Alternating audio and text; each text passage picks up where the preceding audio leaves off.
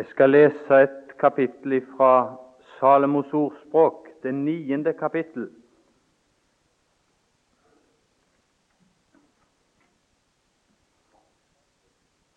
Salomos ordspråk, det niende kapittel.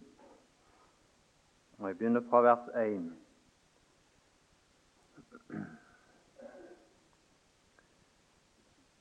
Visdommen har bygget sitt hus. Hun har hugget til sine syv stolper. Hun har slaktet sitt slaktefe, blandet sin vin og dekket sitt bord. Hun har sendt ut sine piker. Hun roper oppe fra byens høyder. Den som er enfoldig, han vendte seg hit.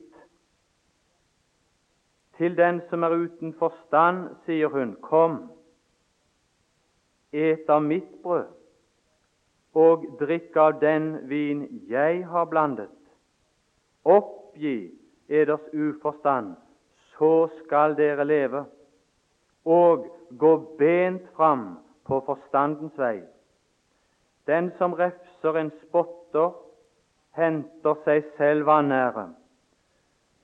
Og den som viser en ugudelig til rette, får skam av det. Vis ikke spotteren til rette, for at han ikke skal hate deg. Vis den vise til rette, så skal han elske deg. Lær den vise, så blir han enda visere. Lær den rettferdige, så går han fram i lærdom. Å frykte Herren er begynnelsen til visdom. Og å kjenne Den hellige er forstand. For ved meg skal dine dager bli mange, og leveår skal gis deg i rikt mål. Er du vis, så er du vis til ditt eget gagn og er du en spotter, skal du alene lide for det. Dårskapen er en kåt kvinne, bare uforstand og uvitenhet. Hun sitter foran døren til sitt hus, på en trone på en høyde i byen, for å rope til dem som går forbi på veien, som vandrer bent fram på sine stier. Den som er enfoldig, han vender seg hit. Til den som er uten forstand, sier hun, stjålet vann er søtt, og brød som etes i lønndom, smaker herlig. Men han vet ikke at der bor dødningene, at hennes gjester er i dødsrikets dyp.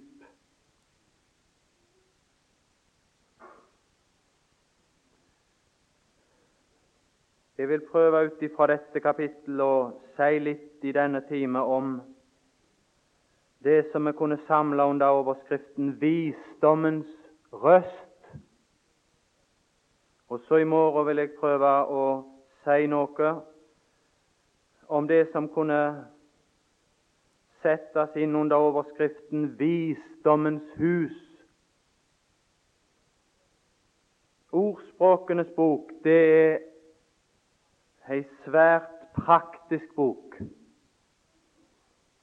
Og Når vi kommer til det niende kapittel her, så kommer vi til avslutningen av den første del av Ordspråkenes bok. Og Dette er konklusjonen på den lærdom som er gitt i kapitlene foran.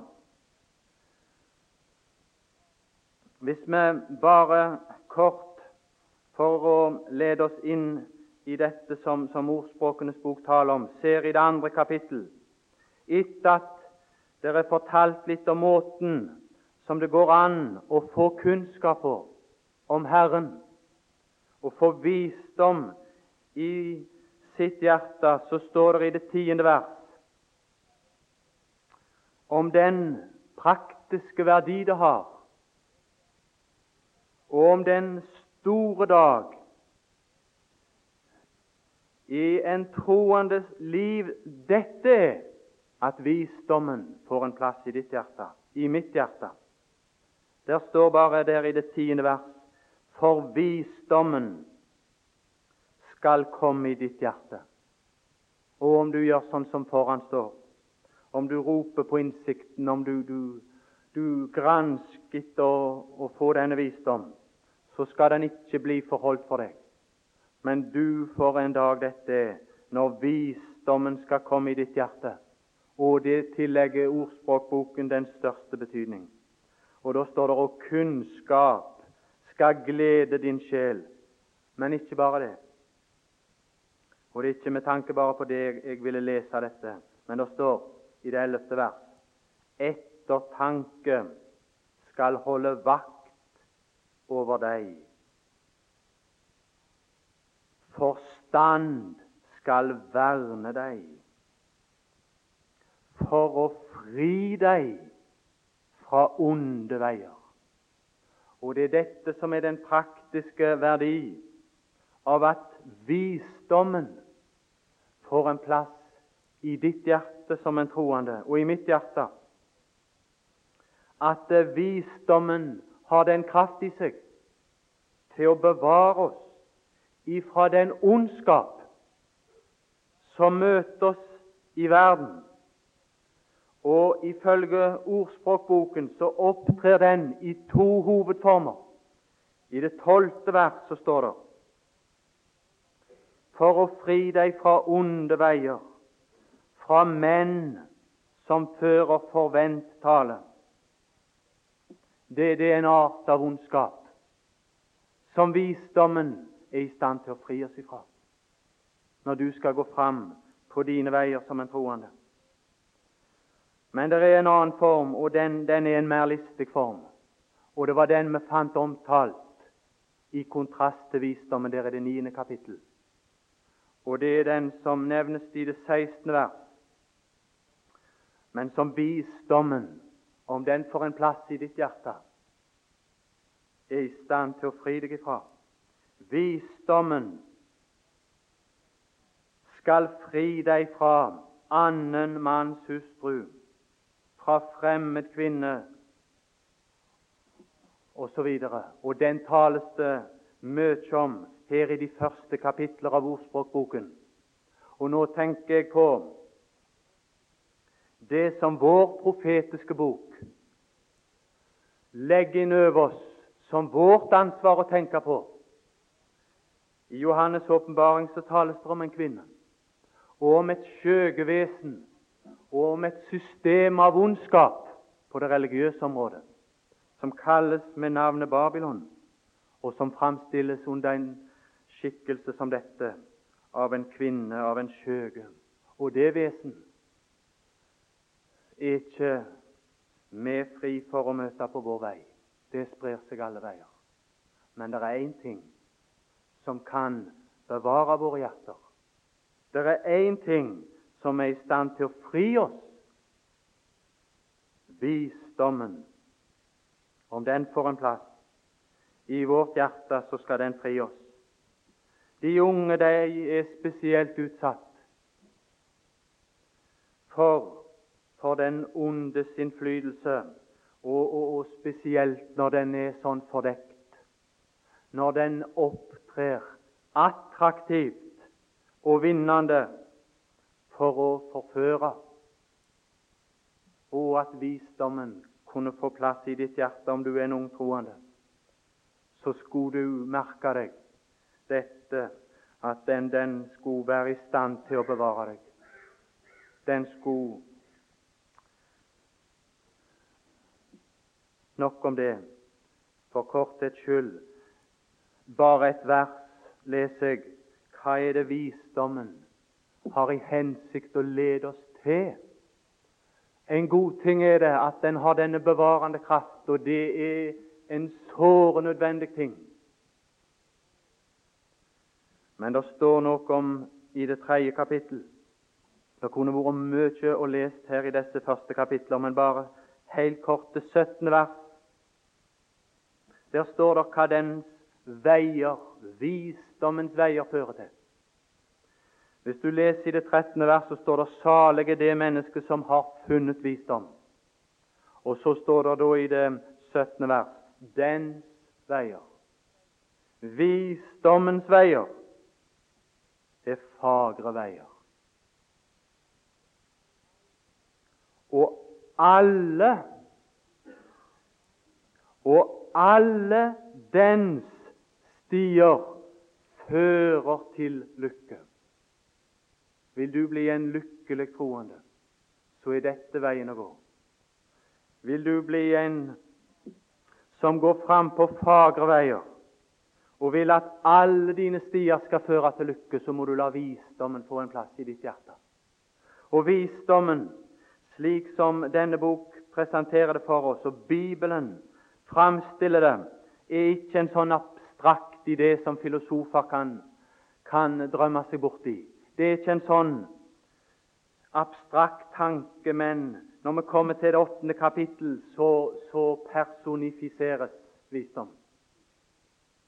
Så, så trer visdommen fram som en levende person. Og Hvis du leser derifra det 22. vers, så står det Herren skapte meg som sitt første verk, står det egentlig på norsk. Men jeg vil bare gjøre oppmerksom på det, det, det er ikke noen god oversettelse. I eldre oversettelser og i de fleste andre oversettelser så står det 'Herren eide meg i sin veis begynnelse', og det er noe helt annet. Kristus er ikke en skapning. Guds personifiserte visdom i Kristi person er ikke skapt men òg der ved hans veis begynnelse. Og da, da ikke skapte han han, men da eide han han. Og så ser vi at denne personen, og jeg skal ikke lese det, det er kanskje et kjent kapittel, men der står det om visdommen at den var Herrens likemann før hans gjerning. Og i hans gjerning og så står det noe som er vidunderlig å lese, og det er at han, denne personen, som var Herrens likemann, han var gjenstand for Herrens glede. Og den person som var gjenstand for Herrens glede, han hadde sin glede i menneskenes barn. Guddommelig glede var der i han, han som hadde sin glede i menneskenes barn. Og Derfor er det jorden kom inn her, i det slutten av det åttende kapittel. Og Den som har skrevet dette, ordspråkene, det, det er Salomo. Og han er sjøl det store forbildet i Det gamle testamentet på Kristus som Guds visdom. Og Vi skal bare lese et par vers, sånn at selv de yngste skulle kunne ha steder i Det nye testamentet og, og å lese dette på bakgrunn av. Jeg skal lese det fort, men jeg vil du skal se det. I Lukas 11, fra det 29. vers, så finnes det to forbilder på den Herre Jesus, som den Herre Jesus sjøl drar fram, men som er totalt forskjellige. Men jeg leste det for at du skulle kunne se hva det er Salomo er et forbilde på når det gjelder den Herre Jesus, i kalles karakter. Da nå folket strømmer til, tok han til orde. Denne slekt er en ond slekt, den krever tegn. Og tegn skal ikke gis den uten Jonas' tegn. For like som Jonas ble et tegn for folk i Ninive, således skal også menneskesønnen bli det for denne slekt. Og Jonas han er et bilde på den Herre Jesus i hans død, i hans begravelse. Og han er der i oppstandelsen. Men like som Jonas altså var der i, der i, i fiskens buk i tre dager og tre netter, så skulle menneskesønnen være i jordens skjød. Og det, det forteller oss om dette som skjedde ved den Herre Jesus. At alt som var Gud imot, alt som krenka Gud, alt som var avskyelig for Gud, alt som bøy Gud imot, det fjerna fullstendig i Kristi død. Det er bortskaffa i Kristi død.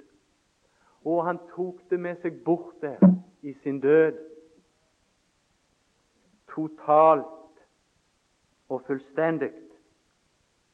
Men så er det noe som er kommet inn. Dronningen fra Syden skal stå opp. Og så står det lenger i verset For hun kom fra jordens ende for å høre Salomos visdom og se her er mer enn Salomo. Her er mer enn Salomo. Her er en visdom som overgår Salomo. Men Salomo er det store forbildet på Kristus som Guds visdom.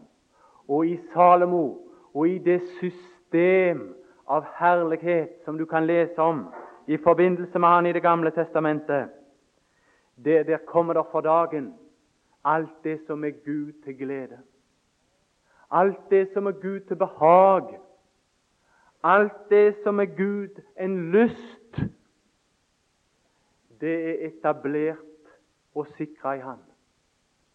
Det er kommet inn ved ham.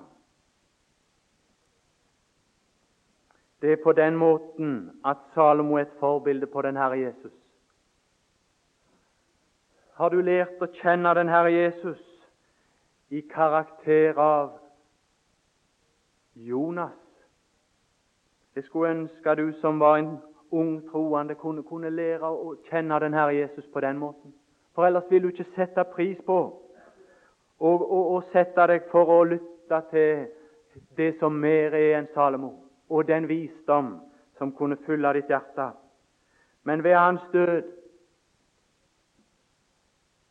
som Jonas framstiller, så er jeg fridd ifra alt det som forbinder seg til meg som et Adams barn, som et naturlig menneske.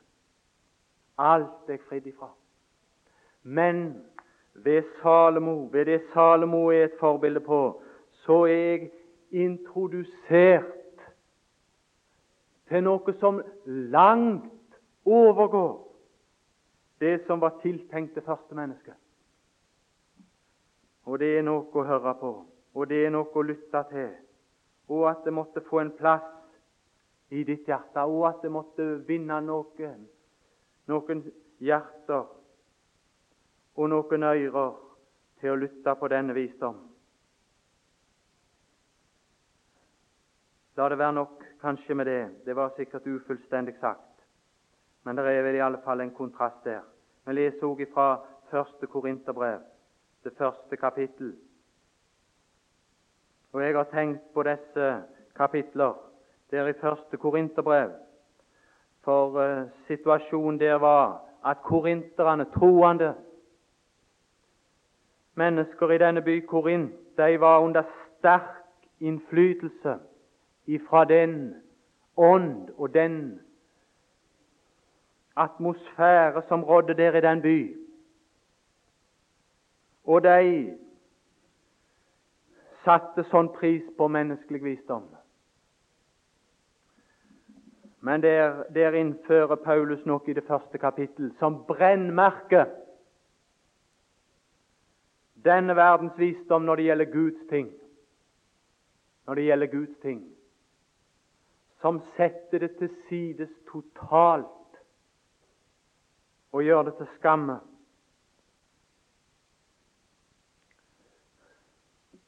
Og så fører Gud fram sin visdom. Og det, det, skal jeg bare lese nå. Jeg skal gjerne lese litt derfra i morgen, men jeg vil bare at stedene skulle være klart. I det 24. vers der i første kapittel så står det 'men for dem som er kalt'. Og det regner jeg med det er sånne jeg taler til, sånne som har mottatt kallet, og som er blant de utkalte, både jøder og grekere. Hva din naturlige tilbøyelighet kunne være, om det er visdom, menneskelig visdom du har legning for eller det tegn du søker, forkynner vi Kristus. Guds kraft og Guds visdom. Og Det Paulus fortsetter med å si i de følgende kapitler, det viser at Guds visdom det var ikke bare én hjelpekilde for Gud i et knipe, når alt syntes å legge seg i veien for at den evige kjærlighets hensikter skulle oppnås og, og komme til fullbyrdelse og gjennomføres. Å, men det er det åpenbare Gud. Når vi kommer til det andre kapittelet, så skal vi se at det er åpenbare hva som bodde i Guds hjerte. Guds visdom er Kristus. Det er Han som kan bringe dette for dagen for oss. Det er kun ved å, å lytte til den visdom som kommer fra Kristus, Guds visdom, at dette kan nå inn i vårt hjerte. Og det er bare så sant dette får en plass i vårt hjerte at vi kan bevares i en vond tid som denne. Det jeg ville si da, og understreke, det var dette at dette er ikke den eneste røst som lyder. Og det er der forvirringen setter inn. Vi leste om at i det åttende kapittel så står det i det første vers visdommen roper. Forstanden lar sin røst høre, og det, det fortsetter i det niende kapittel, helt ned til det tolvte vers. Men i det trettende vers der er det en annen røst. Dårskapen, står det, og så framstilles òg dårskapen under bildet av ei kvinne som ei skjøge og det står at hvis du sammenligner dette Det kan jeg ikke ta tid til nå. Så henvender dårskapen seg til de samme som visdommen henvender seg til. Det er det som gjør det så vanskelig. For å rope til dem som går forbi på veien, som vandrer bent frem på sine stier. Dårskapen. Og nå tenker jeg på religiøs dårskap. Det som har sitt hovedsete i det som Bibelen kaller for Babylons skjøgevesen. Det henvender seg ikke til hvem som helst. Det henvender seg til dem som vandrer bent fram på sine stier. Den som er enfoldig, som er interessert i å motta noe. Han vender seg hit, og så kommer det med et budskap. Vi befinner oss i en forvirra tid. Ifølge andre til Timoteus brev, og der i det tredje kapittel så står det om ei tid som skal komme, og den er ikke lenger framtidig. Men det står dette i det første vers. Men dette skal du vite det er godt om alle visste dette, som er troende, at i de siste dager skal det komme vanskelige tider. Hva er det som er så vanskelig med disse tider som vi opplever? Jo, det er motstand imot sannheten, men hvordan er det den motstand ytrer seg? Se i det åttende vers der i det tredje kapittel. Som jannes og jambres sto Moses imot. Således står også disse sannheten imot. Hvorledes var det Jannes og Jambres sto Moses imot? Ved å etterligne Moses i hans gjerninger. Og på den måten sto de han imot. Og det er den måten sannheten stås imot i de siste tider. og som gjør det til så vanskelige tider. For det er sånn en sterk grad av etterligning. Og det skal bare tilta. I åpenbaringen det 13. kapittel Jeg skal prøve å lese dette fort, men det er på denne bakgrunn jeg tenkte på dette kapittelet der i Ordspråkenes bok, som oppstiller disse i kontrast, som kunne muliggjøre at vi kunne skjelne mellom dem, at vi kunne befris fra den ene og bli et bytte for det som mer er enn Salomos visdom. Det står i Åpenbaringen det 13. kapittel og det 11. vers Og jeg så et annet dyr. Så det, det er et dyr her. Og dyr det er i Bibelen det er sånne som ikke kjenner Gud. Dette er òg et dyr. Denne personen som er, er, er framstilt på denne måten under dette bildet, det er en som ikke har kjennskap til Gud. Han stiger opp av jorden, men så står det og det hadde to horn, like som et lam.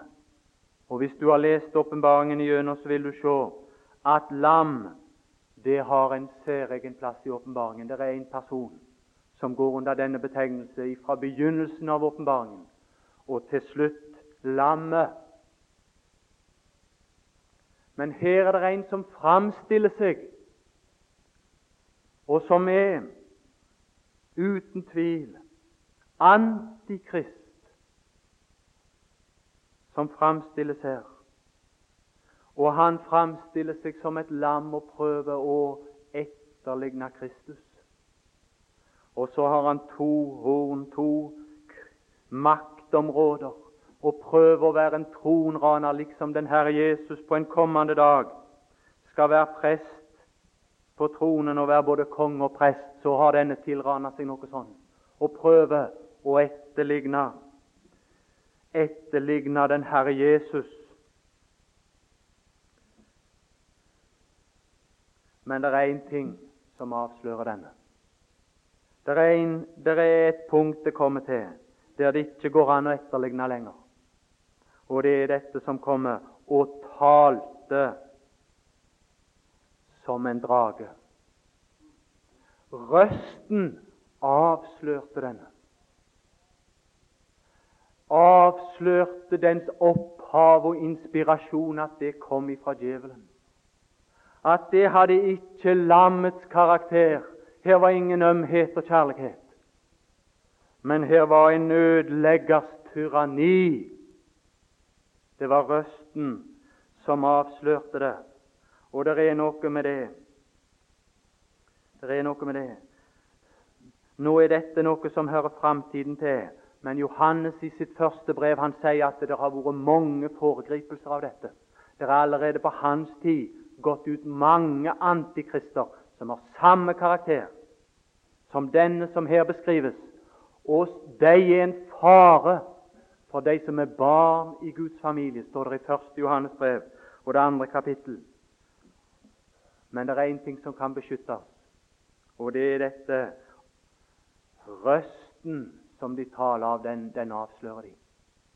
Og at den måtte avsløre deres opphav for deg for meg og for enhver troende. Det er nemlig dette ved enhver røst, noe som er enestående. Det er ikke to røster som er like.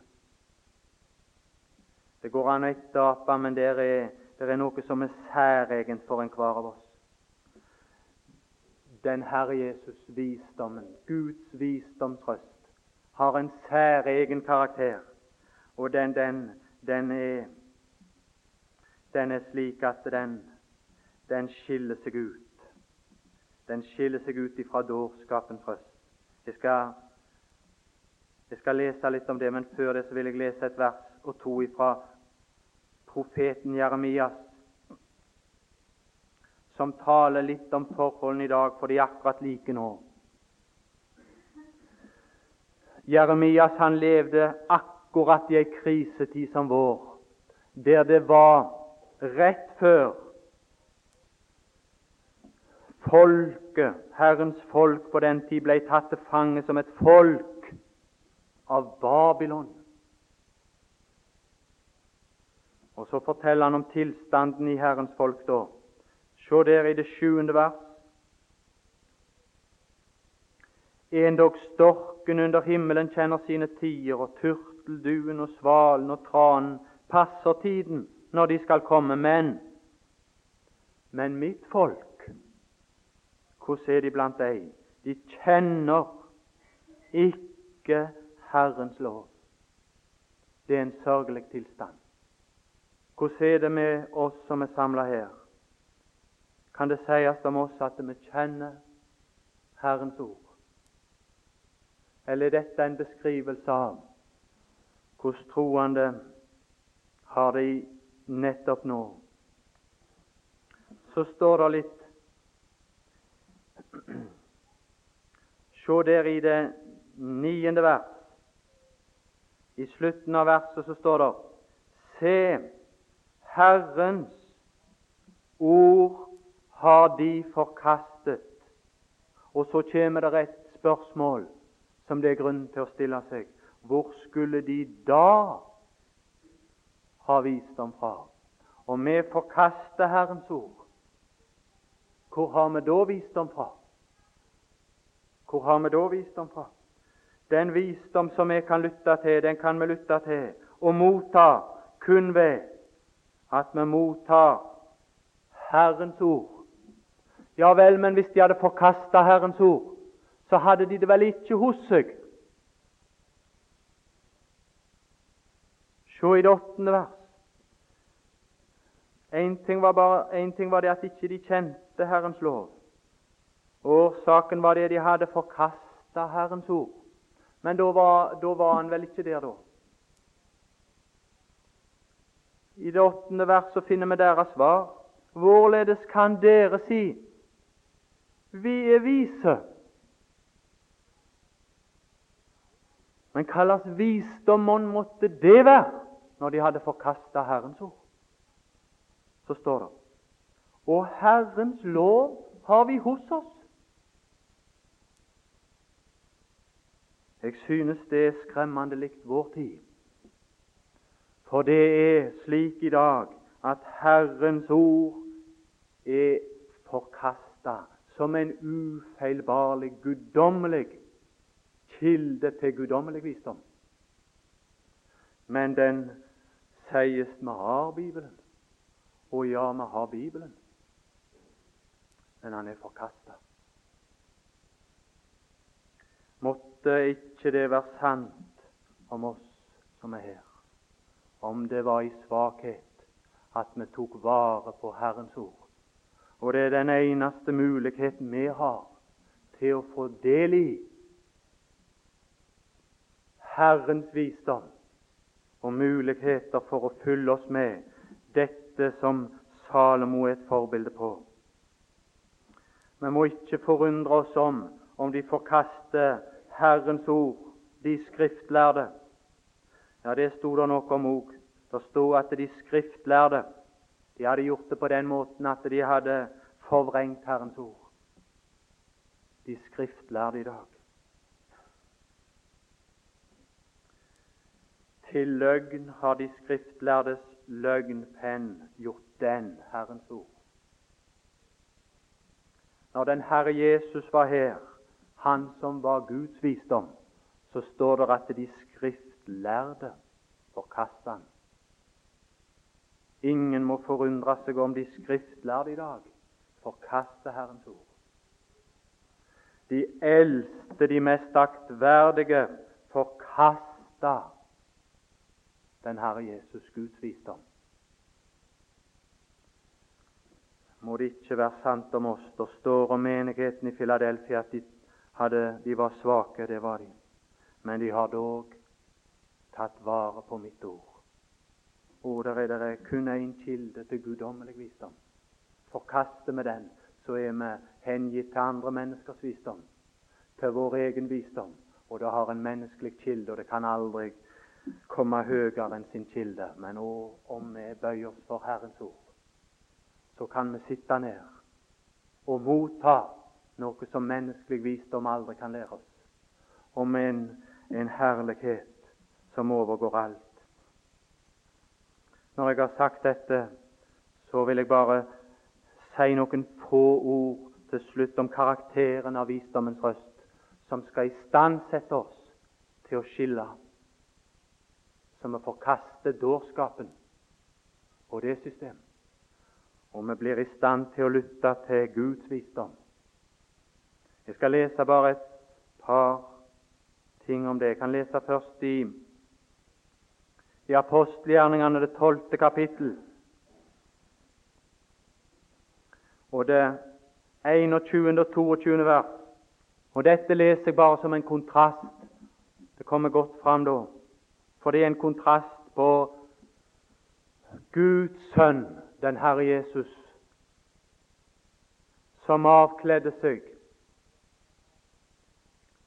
det han hadde som rettmessig herlighet, og steig ned ifra tronen og kom for å kunne tale et ord til ditt hjerte og mitt hjerte. På en fastsatt dag kledde da Herode seg i kongelig skrud. Sånt var det med han. Han måtte ta noe på seg og fiffe seg litt opp. Og, og gjøre seg bedre enn han var. Og kle seg ut for at noen skulle synes noe om det. Og satte seg på sin trone. Og holdt en tale til dem. Sånt er det med mennesker. De må sette seg opp og fordekke hvor elendige de er. Og hvor elendig den visdom som de er i stand til å produsere. Og så gi den ytre fasade av litt glans. Så biter folk på. Hva sa de her? Og folket ropte til ham. Dette er Guds røst! Og ikke ikke et menneskes. Å nei, dette, dette må være guddommelig, for dette har glans. Å du, men den guddommelige visdom den er en total kontrast til dette. Og det forteller seg om en som ikke måtte kle på seg noe av herlighet, men som var fri til å kle av seg noe. Til å stige ned ifra tronen der han hadde sin plass, ifra evighet av. Men når han kom i all svakhet, og kom i svakhet for å være i stand til å dø i ditt sted, så forakta de han. Men han, han i sin, i sin svakhet for å dø i ditt sted, for å komme ned og tale livets ord til min sjel, og det er Han som er Guds sønn.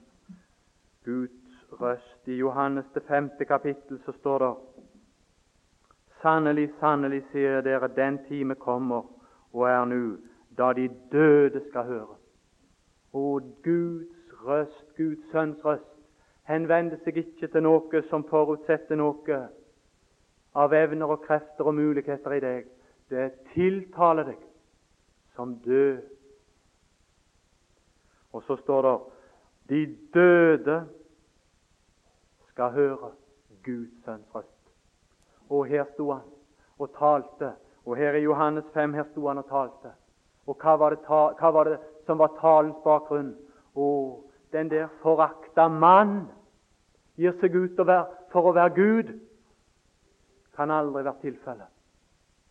Å, men den som hører Guds røst i hans fornedra person, og han, han er der liv for. Og de som hører, skal leve. Jeg skal lese et, en annen kontrast, og så skal jeg slutte av med det. Se i Lukas det 22. kapittel. Vi kunne lest flere og mange sånne kontraster. Men, men der, der, tales der i ordspråkene de første versene av det niende kapittelet av en sånn uselvisk kjærlighet som er ukjent i denne verden.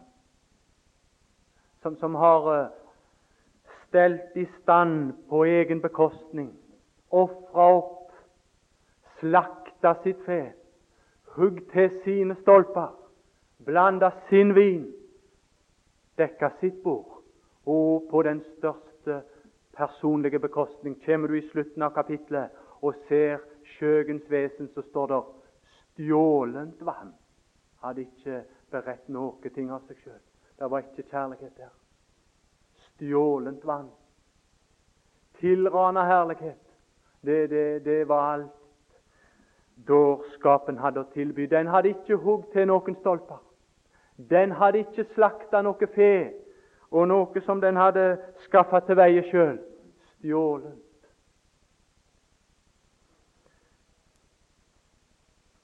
Leser bare et vers der i Lukas 22, og det var det 25. vers. Der står det noe. Da sa han til dem, kongene hersker over sine folk, og de som bruker makt over dem.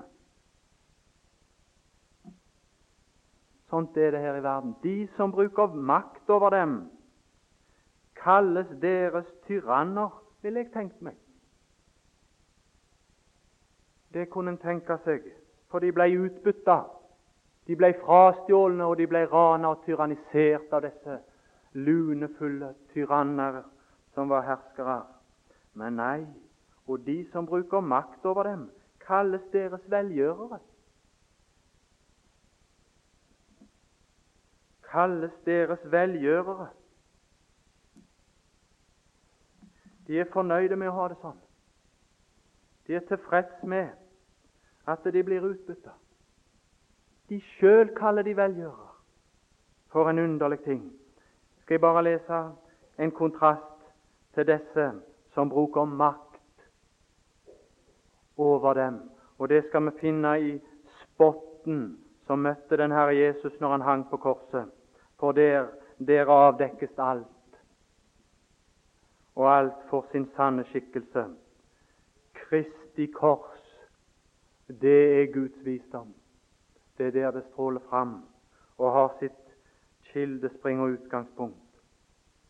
Jeg leser fra Matteus 27 og det 39. vers om en som ikke brukte makt over dem, men som brukte sin makt på en annen måte enn alle de som de kalte velgjørere. Og her var velgjøreren men han brukte ikke sin makt som de andre. Det står i det 39. vers Og de som gikk forbi Og det var en gruppe, det er mange grupper her.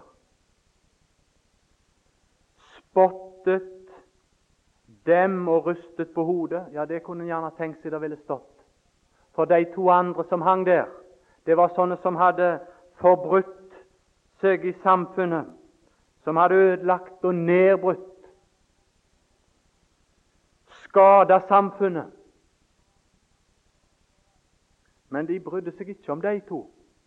De, de var ikke gjenstand for spott, de. De var fri for spott, de. Men de som gikk forbi, spottet ham. Det var bare han som fikk spott. Og så står det videre hva de sier, og det skal vi lese. Du, du som bryter ned. Du er en sånn en. Tempelet og bygger det opp igjen på tre dager. Frels deg selv. Er du Guds sønn, da stig ned av korset. Disse som gikk forbi, de røper ved det de sier, at de kom fra byen. For det de repeterer her, er det som hadde vært oppe under nattmøtet kvelden eller natta før. Og så, og så rysta de på hodet, og så spotta de nei, nei. Det, det er ikke tilfellet. Det som de sier her, det som, det som de sier at han har sagt nei, nei. Han påstår seg å ha makt. til å bygge opp igjen, men nei, nei. Han har ikke makt. Det er hans makt de spotter. Hans makt til å bygge opp tempelet igjen, men det er opplagt, det er opplagt. Han har ikke den makt. De ryster på hodet. All spott her under korset dreier seg om den Herre Jesu makt. Men de, de nekter han at han har denne makt. Så står det i det 41. vers likeså spottet også ypperste prestene. Det var på samme nivå. Det var landets edleste, kunne en si, ut ifra deres egen utvelgelse av menn i Israel. Det var ikke på noe høyere nivå de dreide sin spott om. De, de var likeså. Og hva var det de spotta? Andre har han frelst, seg selv kan han ikke frelse. Han er jo Israels konge. La han nå stige ned av korset. Så skal vi tro på ham. De spotta hans makt. De spotta hans makt. Og de spotta det som bare noe som han foregav seg å ha, men som det var opplagt at han ikke hadde, for han brukte den jo ikke på seg sjøl. Og så fortsetter de spotten på samme måte, står det i 44. vers. Og det de spotter, det er dette han, han sier seg å ha makt, men det, det kan aldeles ikke være tilfellet. Og det, det er dette de tenker bare på én ting, og det er makt brukt i egen interesse. Det er det eneste de kjenner til. Det er den eneste form for makt de kjenner til. Om kjærlighet som bare tenker på andre, sjøl på den største personlige bekostning, det kjente de ikke til. Og her var han for å bruke sin makt på den måten. Og deres spott stilte bare denne kjærlighet mer i relieff. Her var kjærlighet som oppofra seg, uselvisk, usmitta av alt det som vår kjærlighet er klev av og den, det, det, det, bare blottstilte de sjøl. Det er dette som er hans røst. Skulle tale til vårt hjerte, så vi kunne skjelne det fra alt annet stjålent.